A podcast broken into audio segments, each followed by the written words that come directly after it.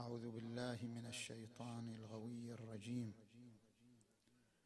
والصلاة والسلام على أشرف الأنبياء والمرسلين محمد وآله الطيبين الطاهرين.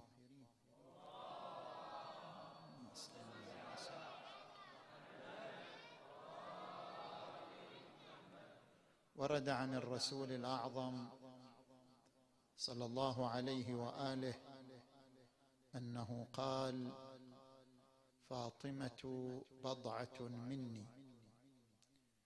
يرضى الله لرضاها ويغضب لغضبها. صدق الرسول الكريم.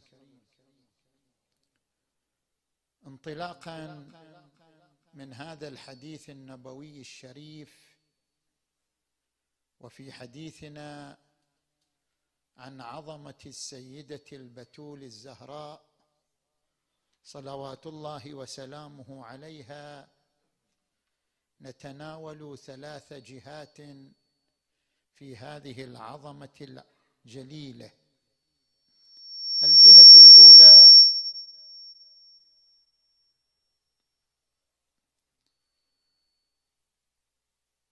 الجهة الأولى ذكر في كلمات العرفاء أن كل وجود كلما كان ضيقا كثرت أمثاله. وكلما كان واسعا قلت أمثاله. كلنا وجودات لكن كل وجود مهما ضاق وكلما ضاق بمعنى أنه وجود قليل الصفات قليل المآثر قليل المواهب. كلما كان الوجود ضيقا في صفاته في مواهبه كانت له أمثال وأمثال من الموجودات. ولذلك ترى نحن العاديين في الوجود لنا أمثال كثيرة من الموجودات. وأما كلما كان الوجود وسيعا له صفات كثيرة ومآثر متنوعة ومواهب جليلة قل مثيله.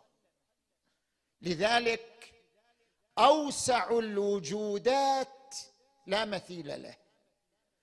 الوجود الذي هو أوسع كل وجود وهو الوجود الذي ذاته عين الوجود لا مثيل له ولا ند له ولا نظير له ألا وهو وجود الحق تبارك وتعالى.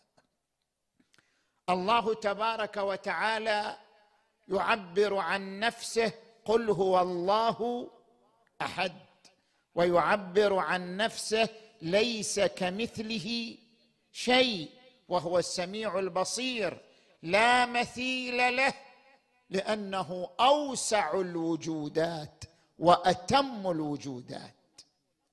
في عالم الإمكان يعني العالم الذي نعيش فيه عالم ما سوى الله في عالم الإمكان أوسع وجود وأرحب وجود شمل الصفات والمواهب والمآثر وشتات العظمه وأنحاء الفضيلة أوسع وجود في عالم الإمكان وجود محمد.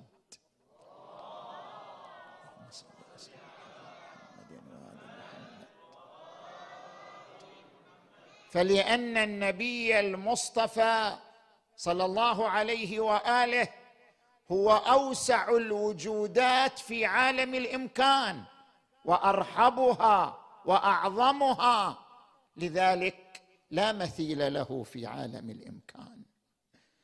ولا نظير له ولا ند له في عالم الإمكان. فجميع الوجودات الأخرى في هذا العالم غير وجود النبي إما منطوية فيه أو متحدة معه.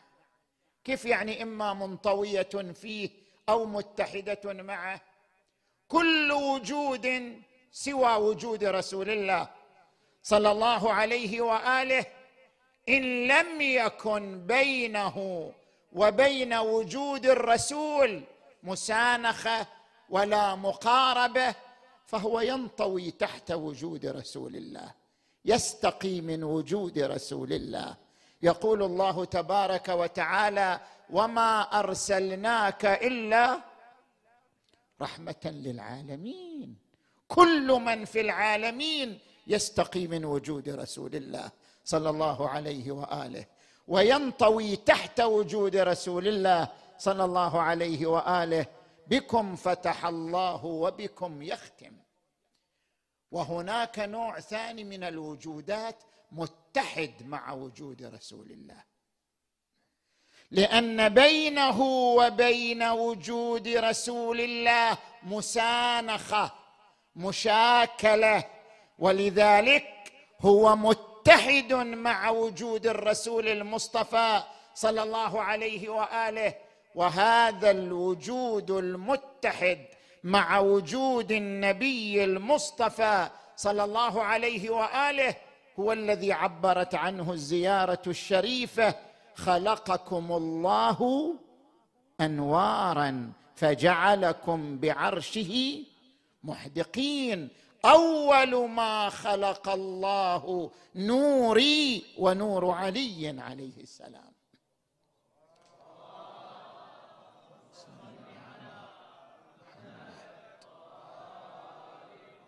وللإشارة إلى هذا الاتحاد. اتحاد نور النبي النور المحمدي والنور العلوي والنور الفاطمي. أبعاد ثلاثة لنور واحد. أنحاء ثلاثة لوجود واحد. لولا كما خلقت عليا ولولا علي لما خلقتك. ولولا فاطمة لما خلقتكما.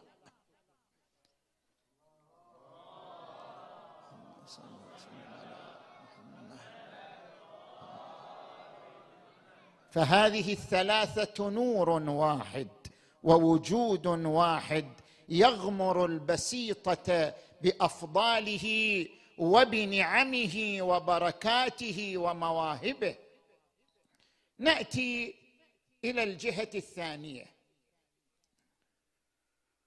ربما يقول قائل كما ذكرت بعض الأقلام أن قيمة كل إنسان بصفاته الذاتية لا بصفاته العرضية. يعني أنت إنسان ابن فلان خلقت في البلد الفلاني من الأسرة الفلانية هذه صفات عرضية لا قيمة لها في الفضل. ورد عن الإمام أمير المؤمنين علي عليه السلام قيمة كل امرئ ما يحسنه قيمتك بما تعطي قيمتك بكمالك الذاتي قيمتك بصفاتك التي تنبع من وجودك. لا بالألوان ولا بالأنساب ولا بالصفات العرضية قيمتك بك. قيمة كل امرئ ما يحسنه.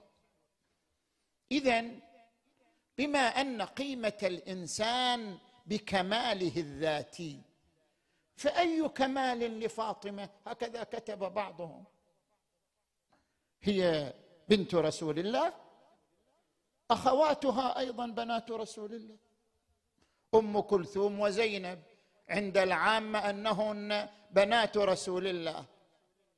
هي زوجة علي علي تزوج تسع زوجات. هي أم الحسن والحسين فاطمة بنت أسد أم أمير المؤمنين وآمنة أم رسول الله. فأي فضل لها؟ إذا كان فضلها بأنها أم الحسنين فآمن أم الرسول. وفاطمة بنت أسد أم علي. وإذا كان فضلها أنها زوجة علي عليه السلام فلعلي زوجات متعددة. وإذا كان فضلها أنها بنت رسول الله فلرسول الله بنات غيرها. أين الفضل؟ قد يعترض على ما أنشده محمد إقبال عندما يقول المجد يشرق من ثلاث مطالع في مهد فاطمة فما أعلاها؟ هي بنت من؟ هي زوج من؟ هي أم من؟ من ذا يداني في الفخار أباها؟ هذه الانتماءات الثلاثة بنت من زوج من ام من اعتبرها محمد إقبال هي معالم فضل فاطمة والحال بأن هذه المعالم موجودة عند غيرها. ما هو وجه الفضل فيها؟ هذه فكرة خاطئة. الكمال العرضي مظهر للكمال الذاتي. الكمالات العرضية تجليات ومظاهر للكمال الذاتي. لاحظوا لماذا صارت فاطمة جامعة للانتماءات الثلاثة؟ إذا كانت آمنة حظيت بانتماء واحد وإذا كانت فاطمة بنت أسد حظيت بانتماء واحد وإذا كانت أم البنين الأربعة حظيت بانتماء واحد ففاطمة جمعت الانتماءات. الثلاثة بنت الرسول زوجة الوصي أم الأئمة الأطهار صلوات الله وسلامه عليهم أجمعين. هذا الكمال من خلال أبيها من خلال زوجها من خلال أبنائها. هذا كمال هو تجلي لذلك الكمال الذاتي. انعكاس لذلك الكمال الذاتي. لولا أن فاطمة جوهر في الكمال لما تأهلت أن تكون بنت محمد وزوجة علي وأم الحسن والحسين صلوات الله وسلامه عليهم أجمعين.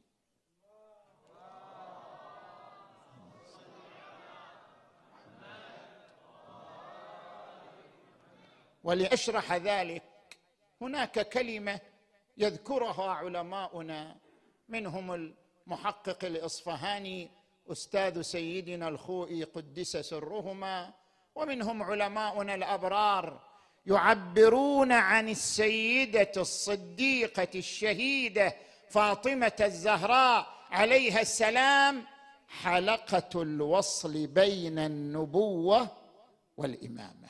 ما معنى حلقة الوصل بين النبوة والإمامة؟ هذه الحلقة كانت في السماء وانعكست في الأرض. كانت في عالم الأنوار وانعكست في عالم المادة. فاطمة صلوات الله وسلامه عليها منذ أن خلق الله نورها خلق النور الفاطمي جامعا لنورين نور النبوة ونور الإمامة. خلقت وهي تجمع النورين. خلقت وهي وصل بين الكمالين كمال النبوة وكمال الإمامة. وكما كانت في عالم السماء جامعة بين النورين حينما نزلت إلى عالم الأرض وعالم المادة انعكس ذلك الجمع في عالم المادة فأصبحت بنت النبي محمد وزوجة علي وأم الحسن والحسين.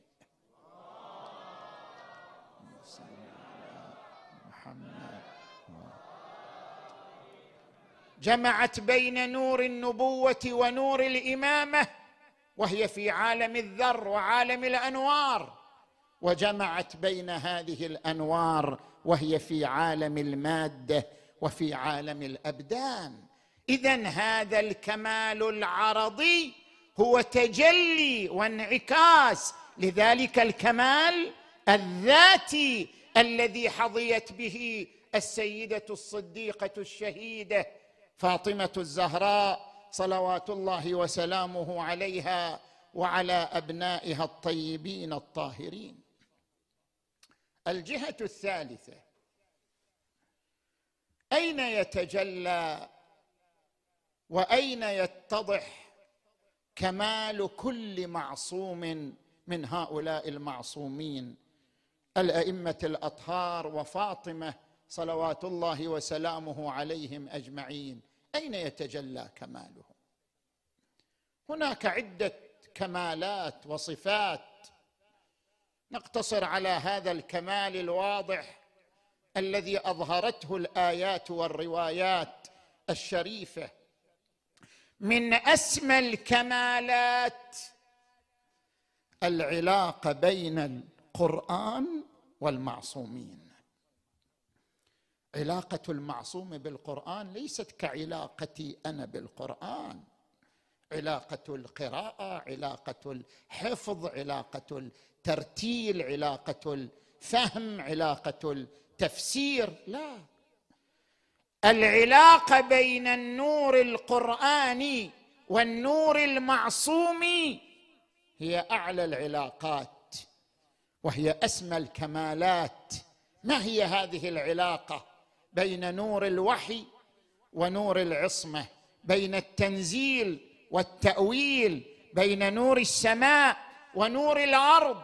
العلاقه بين القرآن وبين العترة هي من أسمى كمالات المعصومين. تتضح هذه العلاقة عندما نتأمل في آية التطهير في قوله تبارك وتعالى إنما يريد الله ليذهب عنكم الرجس أهل البيت ويطهركم تطهيرا. في آية التطهير بحوث كثيرة. نحن نتناول عنصرين من عناصر آية التطهير. العنصر الأول لاحظوا أن آية التطهير قالت إنما يريد الله ليذهب عنكم. ما قالت ليذهبكم عن؟ يذهب عنكم غير يذهبكم عنه. تارة تقول أنا أزلت الوسخ عن ولدي.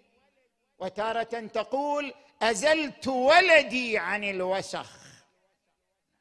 أيهما أبلغ؟ أيهما أتم؟ أيهما أدق في الوصول إلى مضمون العصمة؟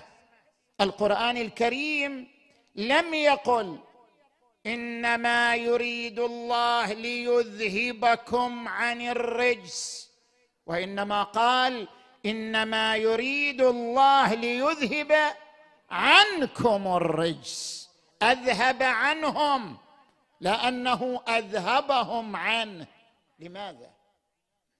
لاحظوا نفس هذا التعبير ورد في حق النبي يوسف عليه وعلى نبينا وآله أفضل الصلاة والسلام. فقال في الآية المباركة كذلك لنصرف عنه السوء والفحشاء. إنه من عبادنا مخلصين. ما قال لنصرفه عن السوء والفحشاء قال نصرف عنه السوء والفحشاء. العصمة تعني أن الله أبعد كل الرذائل وكل الألواث وكل الأدران أبعدها عن المعصوم فلا تقترب منه. ولا تدنو إليه. ساحته ساحة الطهارة ساحة النزاهة ساحة العروج والعلو. لا يدنو من ساحته درن ولا ذنب ولا رجس ولا تلوث. أبعد الرجس عنهم أذهب الرجس عنهم بمعنى أن ساحتهم هي ساحة الطهارة. لا يدنو إليها ذنب ولا يدنو إليها تلوث. أما لو قال أبعدهم عن الرجس يعني أمرهم نهاهم. كما أبعدنا نحن الله أبعدنا عن الرجس. يعني أمرنا نهانا كلفنا. أما المعصوم أبعد الرجس عنه جعل ساحته ساحة طاهرة نزيهة. لا يدنو إليها رجس ولا ذنب ولا تلوث. إنما يريد الله ليذهب عنكم الرجس أهل البيت. العنصر الثاني ويطهركم تطهيرا.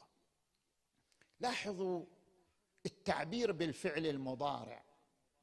الآية ما قالت إنما يريد الله أن أذهب عنكم الرجس وطهركم تطهيرا. ما استخدمت الفعل الماضي؟ استخدمت الفعل المضارع. يريد ويذهب ويطهر. ليش استخدمت الفعل المضارع؟ إشارة إلى استمرار الفيض. المعصوم محفوف في كل لحظة بفيض الله بمدد الله بعطاء الله.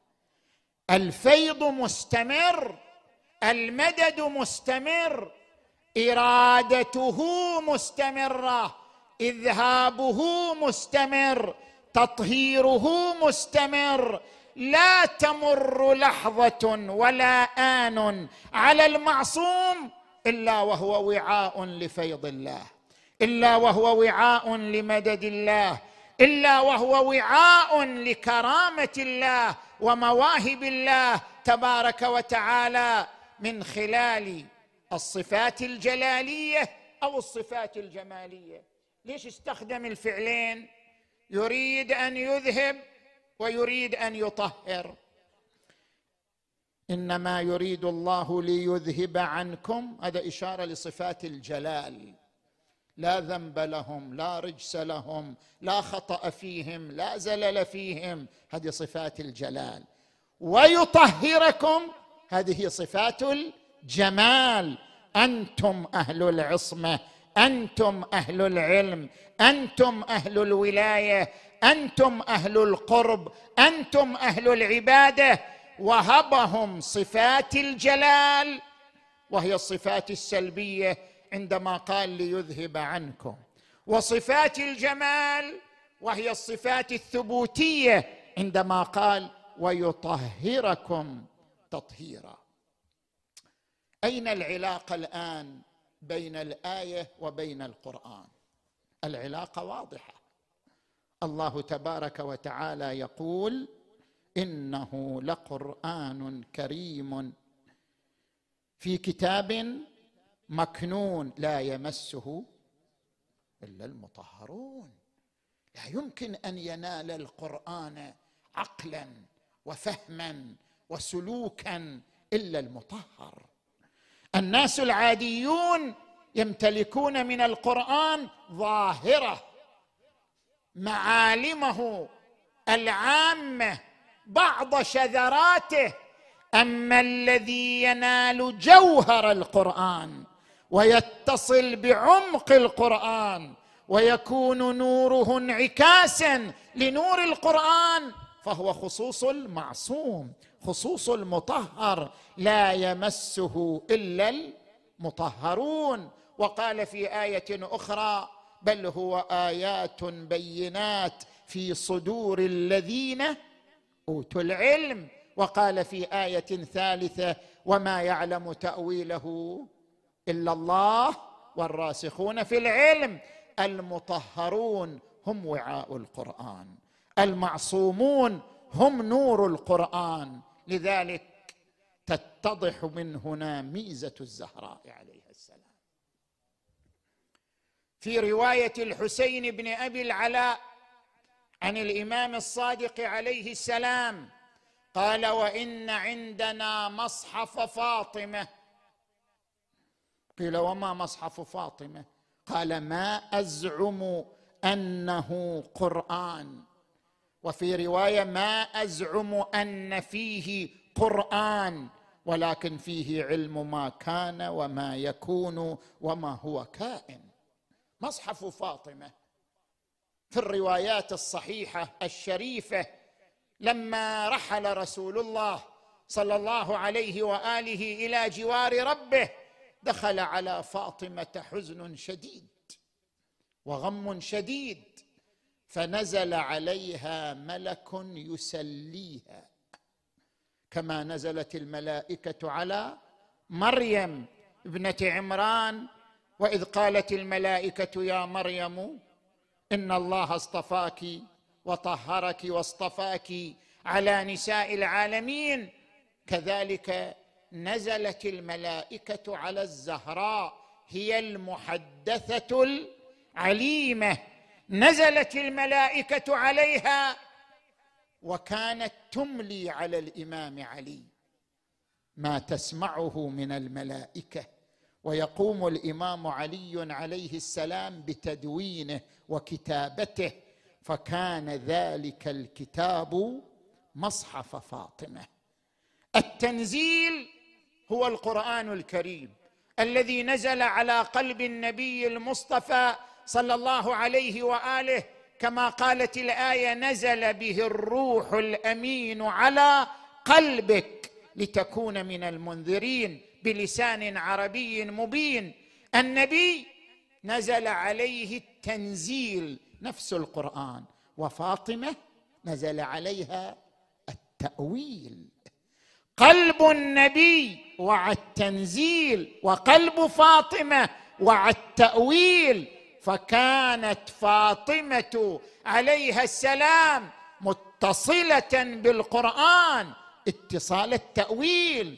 وهذا الكتاب الذي هو تأويل القرآن توارثه الأئمة كابرا عن كابر. من علي عليه السلام وحتى الامام الحسن العسكري عليه السلام توارثوا هذا الكتاب كتاب تأويل القرآن المسمى بمصحف فاطمة وكله كان عن لسان فاطمة عن حديث الملائكة مع فاطمة عليها السلام. من هنا تتبين عظمة الزهراء عليها السلام. من هنا يتبين ما ورد عن الإمام العسكري عليه السلام عندما قال نحن حجج الله على الخلق وفاطمة حجة علينا لأن كتاب تأويل القرآن جاء منها لأن الحجية جاءت منها. نحن حجج الله على الخلق وفاطمة حجة علينا. صلوات الله وسلامه على فاطمة. جعلنا الله وإياكم من خدم فاطمة أحياء وأمواتا. جعلنا الله وإياكم ممن يتشرف بشفاعة فاطمة. وعناية فاطمة جعلنا الله وإياكم من الثابتين على ولاية فاطمة وعلى ولاية أهل بيتها الطيبين الطاهرين. والبراءة من أعدائهم أجمعين لما رأتها الكعبة العصماء تفيض من جبينها الأضواء تساءلت من هذه النوراء؟ فقيل بشرى هذه الزهراء.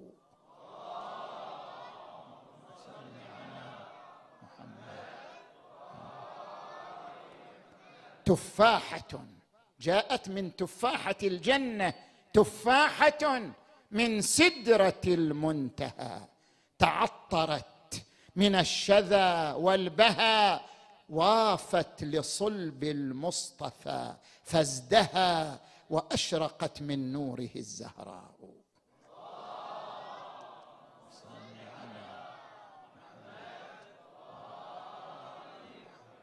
من تربة الأرض وماء الجنان توردت في وجهها وجنتان. لو كان إنسان له معنيان فإنها الإنسية الحوراء.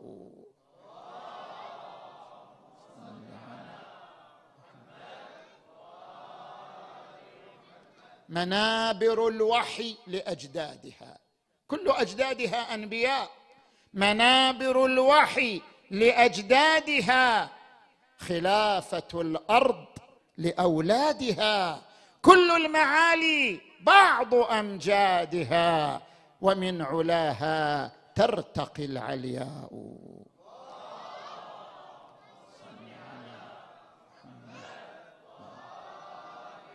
يا آل بيت رسول الله حبكم فرض من الله. في القرآن أنزله كفاكم من عظيم الشأن أنكم من لم يصل عليكم لا صلاة له والحمد لله